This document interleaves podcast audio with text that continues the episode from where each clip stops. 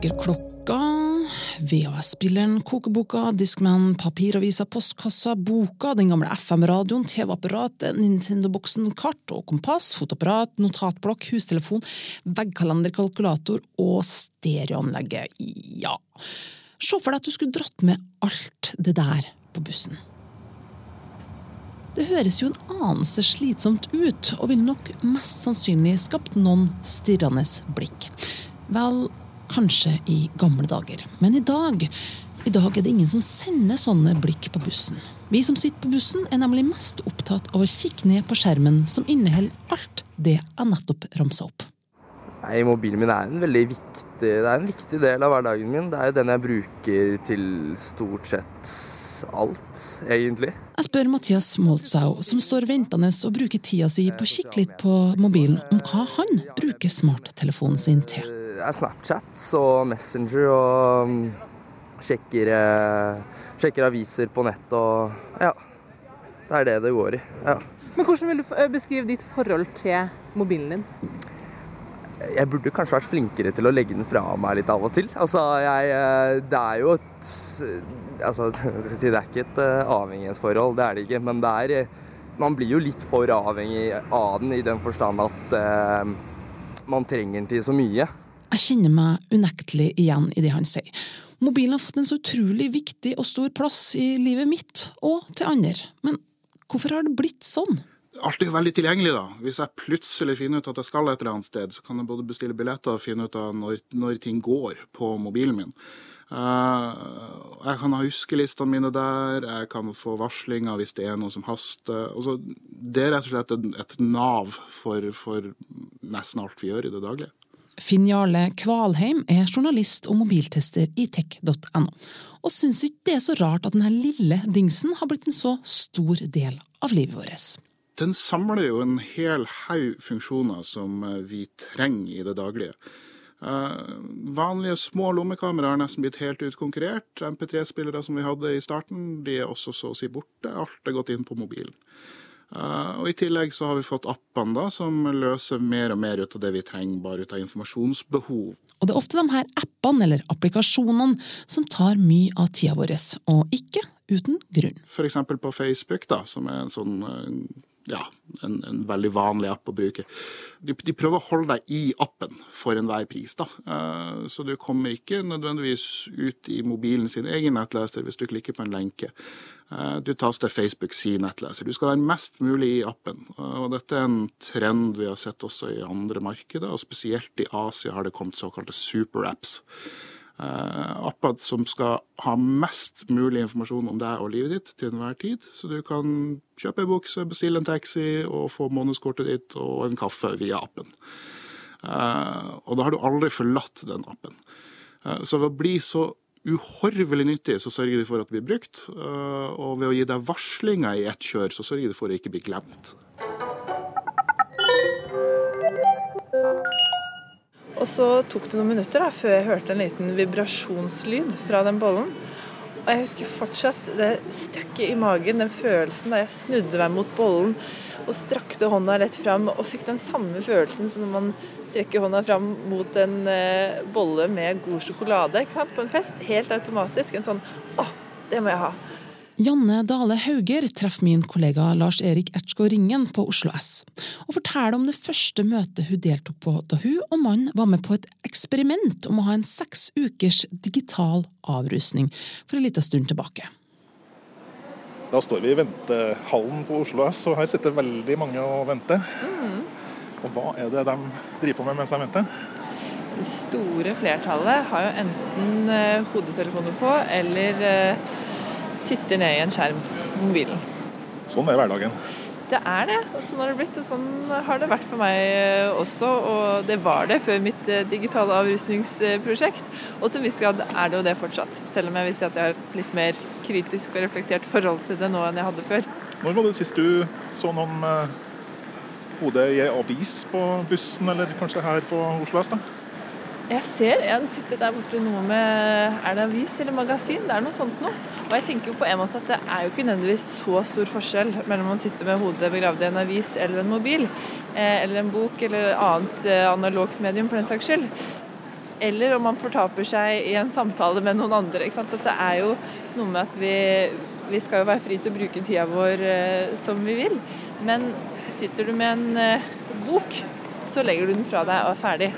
Sitter du med tilgang til internett, så er du inne i en bunnløs tilværelse hvor du kan fortsette i det uendelige, og du vil aldri få en beskjed om at du har nå kommet til slutten av internett.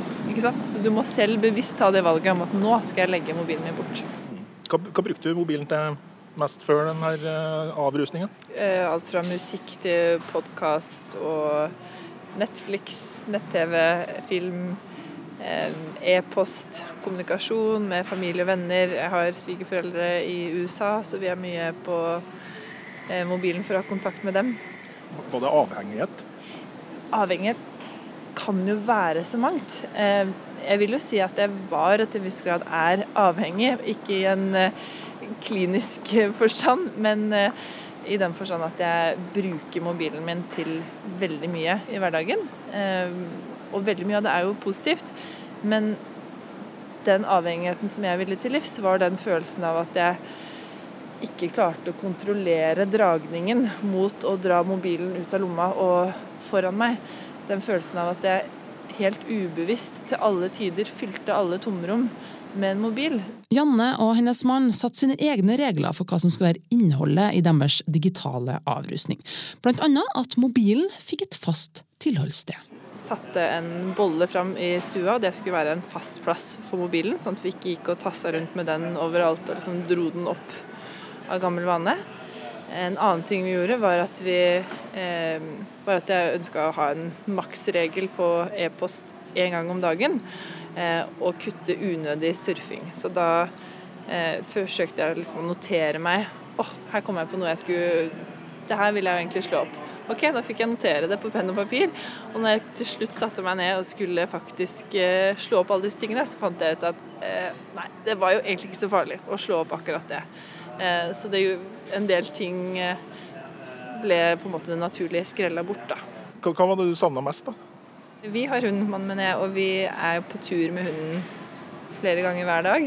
Og den turen om morgenen eh, kan jo tidvis være litt eh, tøff når det er en kald eh, februarmorgen og det er kaldt og det er mørkt og man vil egentlig ikke ut.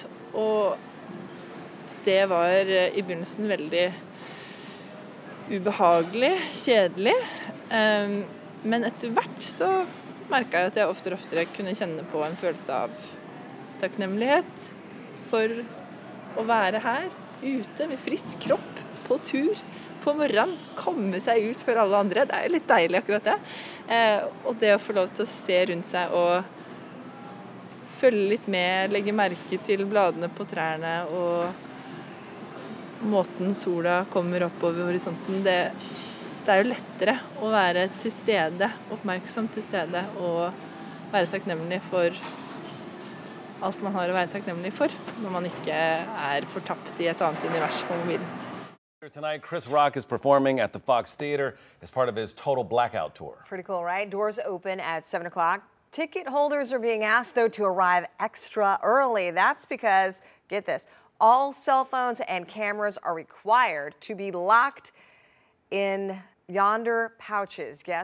men også publikummerne som skulle se Chris Rock sitt nye standup-show i Stavanger nå nylig, fikk plutselig en ufrivillig, men liten digital faste, dem òg.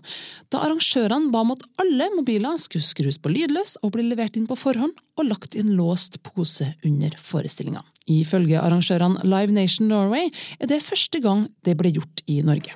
I was a little late. I was five dollars late. Om det var Chris Rock sitt ønske om at materialene hans ikke skulle havne på nettet, eller å sikre seg den fulle oppmerksomheten til Stavanger-publikummet, vites ikke. Men Oslo-publikummet måtte gjennom det samme et par dager senere. Så hvem veit, kanskje dette blir standarden på show og konserter i framtida. Den den er alt. alt jeg har. Uten den så vet jeg ikke hva jeg skulle gjort, nei. Han blir entusiastisk Martin Ekren når jeg spør han om hvilket forhold han har til mobilen sin, der han står med den i handa og venter på bussen.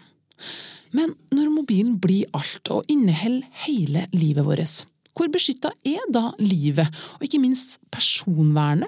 Vi er ikke beskytta i det hele tatt. Eh, det er jo en, eh, en klassiker, dette her. Vi, vi, klager litt over hva myndigheter og andre gjør med, med dataene våre, og så er vi ikke så fryktelig opptatt av hva vi får igjen for dataene våre. Hvis vi, hvis vi sjøl kan gi dem bort for noen minutter på Facebook, så gjør vi det. For eh, du kan få fryktelig mange kule tjenester hvis du er villig til å ofre litt på personvernfronten. Et tydelig eksempel er jo trafikkinformasjon i karttjenester og sånne ting. Eh, her er det jo folk sine mobiler som rapporterer at nå står vi fast i kø. Eh, så det er jo faktisk noen sine data som er årsaken til at du vet at du helst bør legge ut et kvarter seinere.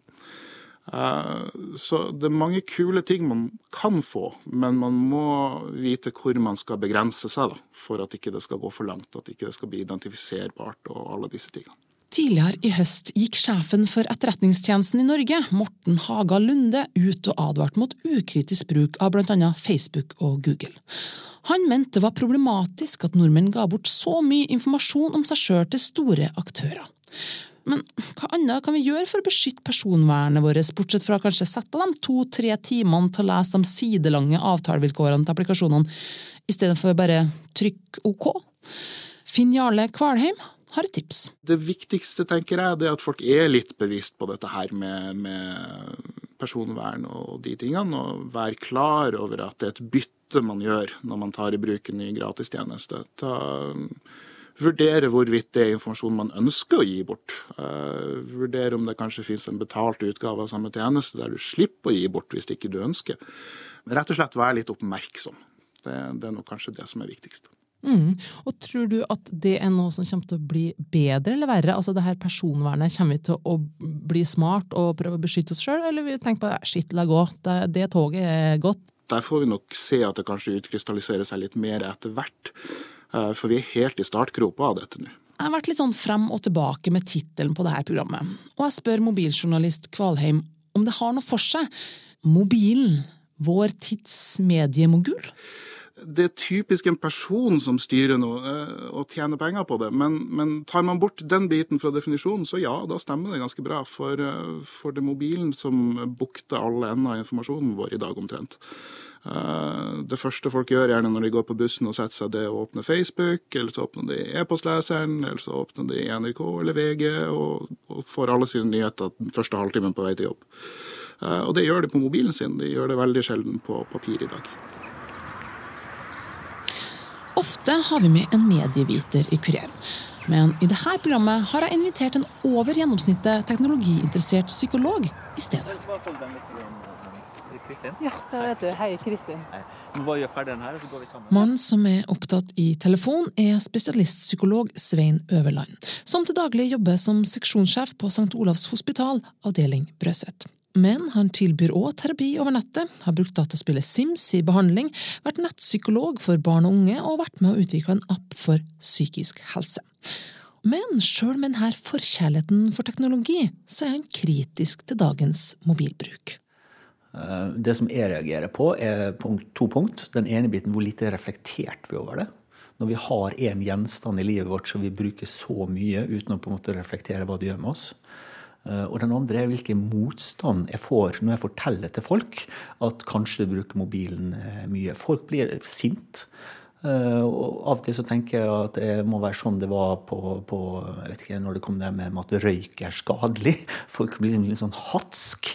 Og det er selvsagt igjen, da, fordi når det treffer her, så tror jeg folk går i forsvar. Og hvorfor går de i forsvar? Hvorfor jeg tror de forstår innerst inne at det har tatt litt overhånd. Med mobil forhandla så har du alltid muligheter til en eller annen form for mediebruk. Hva gjør det med oss når absolutt alle tomme hull kan fylles med en eller annen form for mediebruk? Det vet ikke vi. Det er jo et enormt sosialt, kulturelt eksperiment vi gjør nå. Eh, så jeg heller vet ikke det. Men man bør jo tenke sånn så Hva var det folk gjorde før mobilen kom? Jeg er jo vokst opp, jeg fikk jo ikke min første mobil før jeg var 28 år. eller sånt. Uh, og det var jo aldri noe problem. Jeg, hadde ikke noe, jeg hadde ikke noe fæl barndom jeg bare fordi jeg ikke hadde uh, mobil. Så vi vet ikke hvordan, uh, hva konsekvensen vil være. Men det vil sannsynligvis forandre samfunnet på en eller annen måte. På den annen så er det urealistisk å tenke sånn at vi skal inndra mobiltelefonen. Vi må jo hver enkelt bruke et selvstendig valg på å spørre oss sjøl bruker vi mobiltelefonen sånn som vi gjør. Så igjen, jeg tenker kanskje du bør teste ut det her på deg sjøl. Prøv på en måte å begrense mobilbruken din en periode, og så ser du hva som skjer i ditt liv, i din verden. Får du abstinens da hvis du ikke vet hvor er? Ja, da blir det jo fort at jeg må ringe etter den, eller Det blir fort litt sånn der uh, småpanikk, ja. Hvor mye tid vil du tro at du bruker på mobilen i løpet av en dag? Ja, Det varierer jo stort, men uh, ifra to til tre timer, kanskje. Vil du si at du er avhengig av mobilen? Ja. Ja. den, eh, den er avhengig av. Tove Storjord vil si at hun er avhengig av mobilen. Men når kan man egentlig si at man er det? Som psykolog så er jo avhengighet er jo en psykisk lidelse. For at man skal ha en, en, en lidelse avhengighet, så er det akkurat som alle andre lidelser at det skal medføre vesentlig funksjonsnedsettelse, og at det skal medføre ubehag. Og i avhengighet så vil det være akkurat det samme som spillavhengighet eller rusavhengighet. At det, dersom det er slik at det, det at du ikke eh, bruker rusen din, altså om det er mobiltelefon eller hva ellers, så at det vil gi et veldig ubehag for deg. Og da er den beste måten også å teste seg sjøl. F.eks. klarer du to dager uten det man er redd for å bli avhengig på.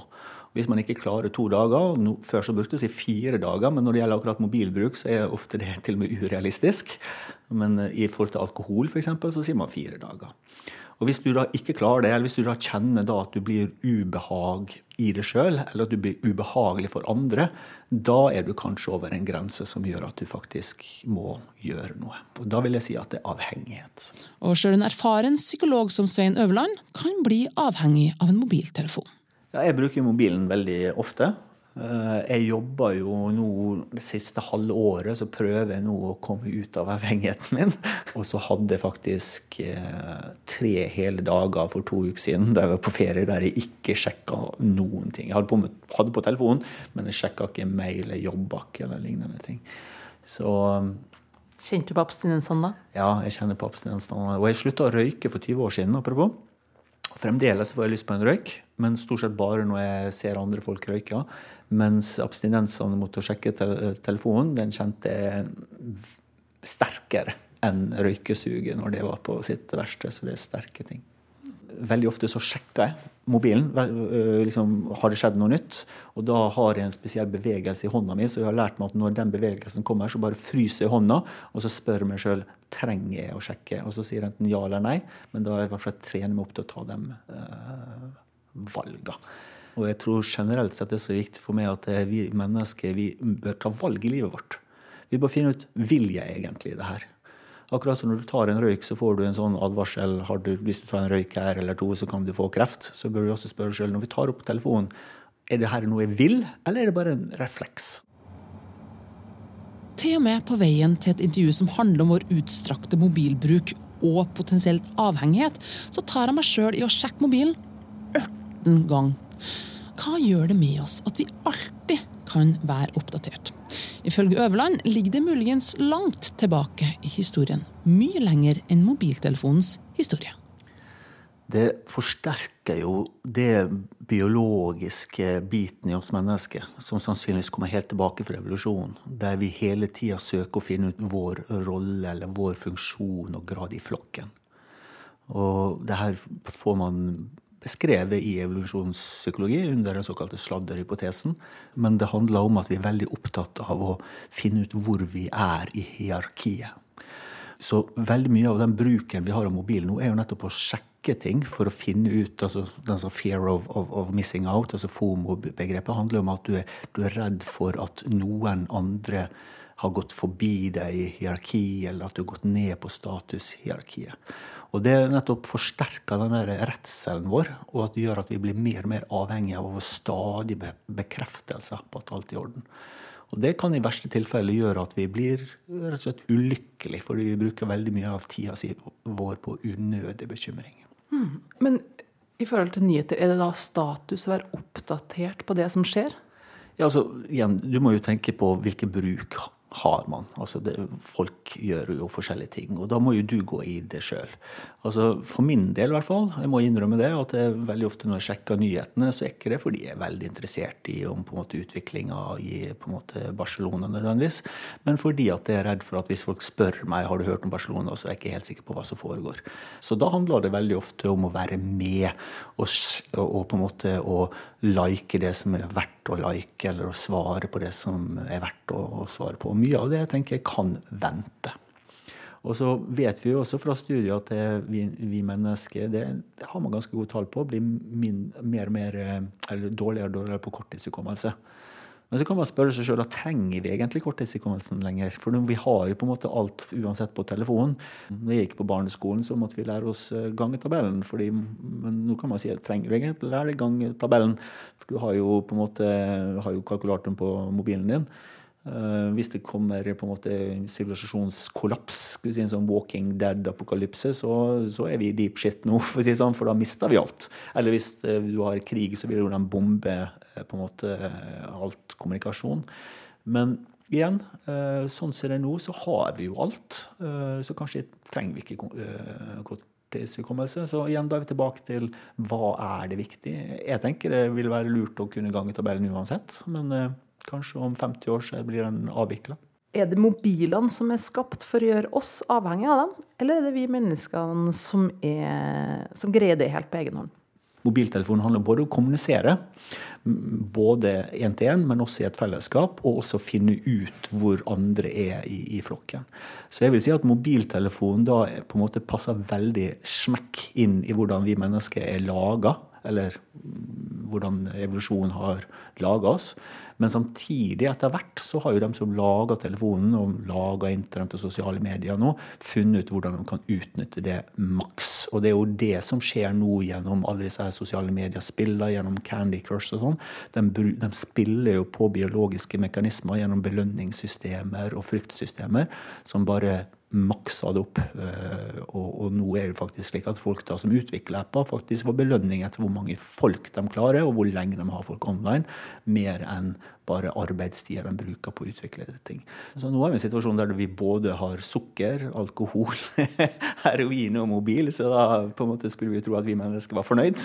Men nei, det vil alltid være noe mer. Vi har mer, mer, mer, mer. Det er sånn vi mennesker er skapt. Det er veldig sjelden mennesker sier at nå er det nok. Men det er noen som sier at nå er det nok. Architects of our digital world. Stop. Be better. Because we can be. And we can see that these systems have been designed with intricacy so that companies can keep our attention indefinitely. I don't want to keep crushing these freaking candies. I don't want these alerts to completely command me.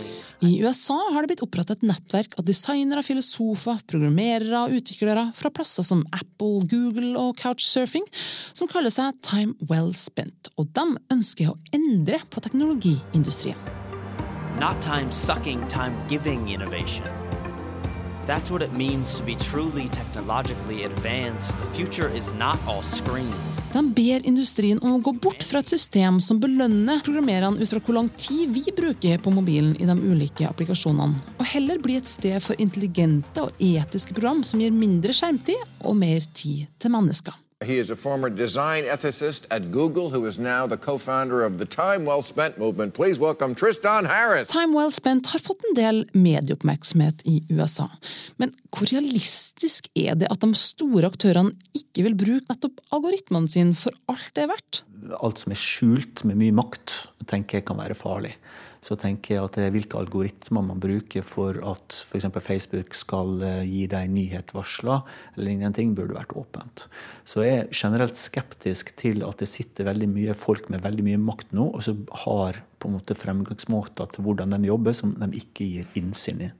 Nå er Det sikkert, det er jo forretningshemmelighet her òg, men, men igjen, det er veldig mye av det som blir styrt nå fremover, er basert av algoritmer. Eh, og det syns jeg folk er altfor lite kritisk eh, til.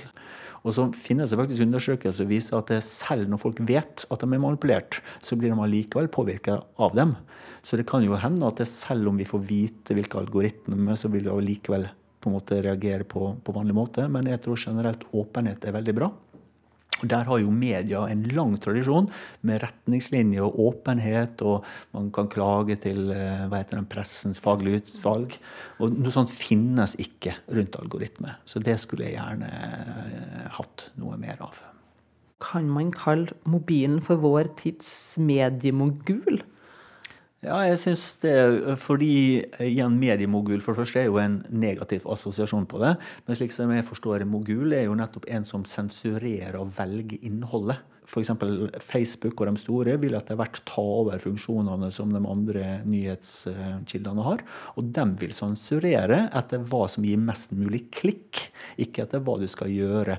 Og etter hva du tidligere har valgt som interessant for deg. Det kommer til å bli på en måte dratt inn, slik at det som du ikke har lyst til å høre om, eller ikke er interessert i, det vil ikke nå frem til deg. Det er en skremmende utvikling. Men jeg tror det er dit vi går.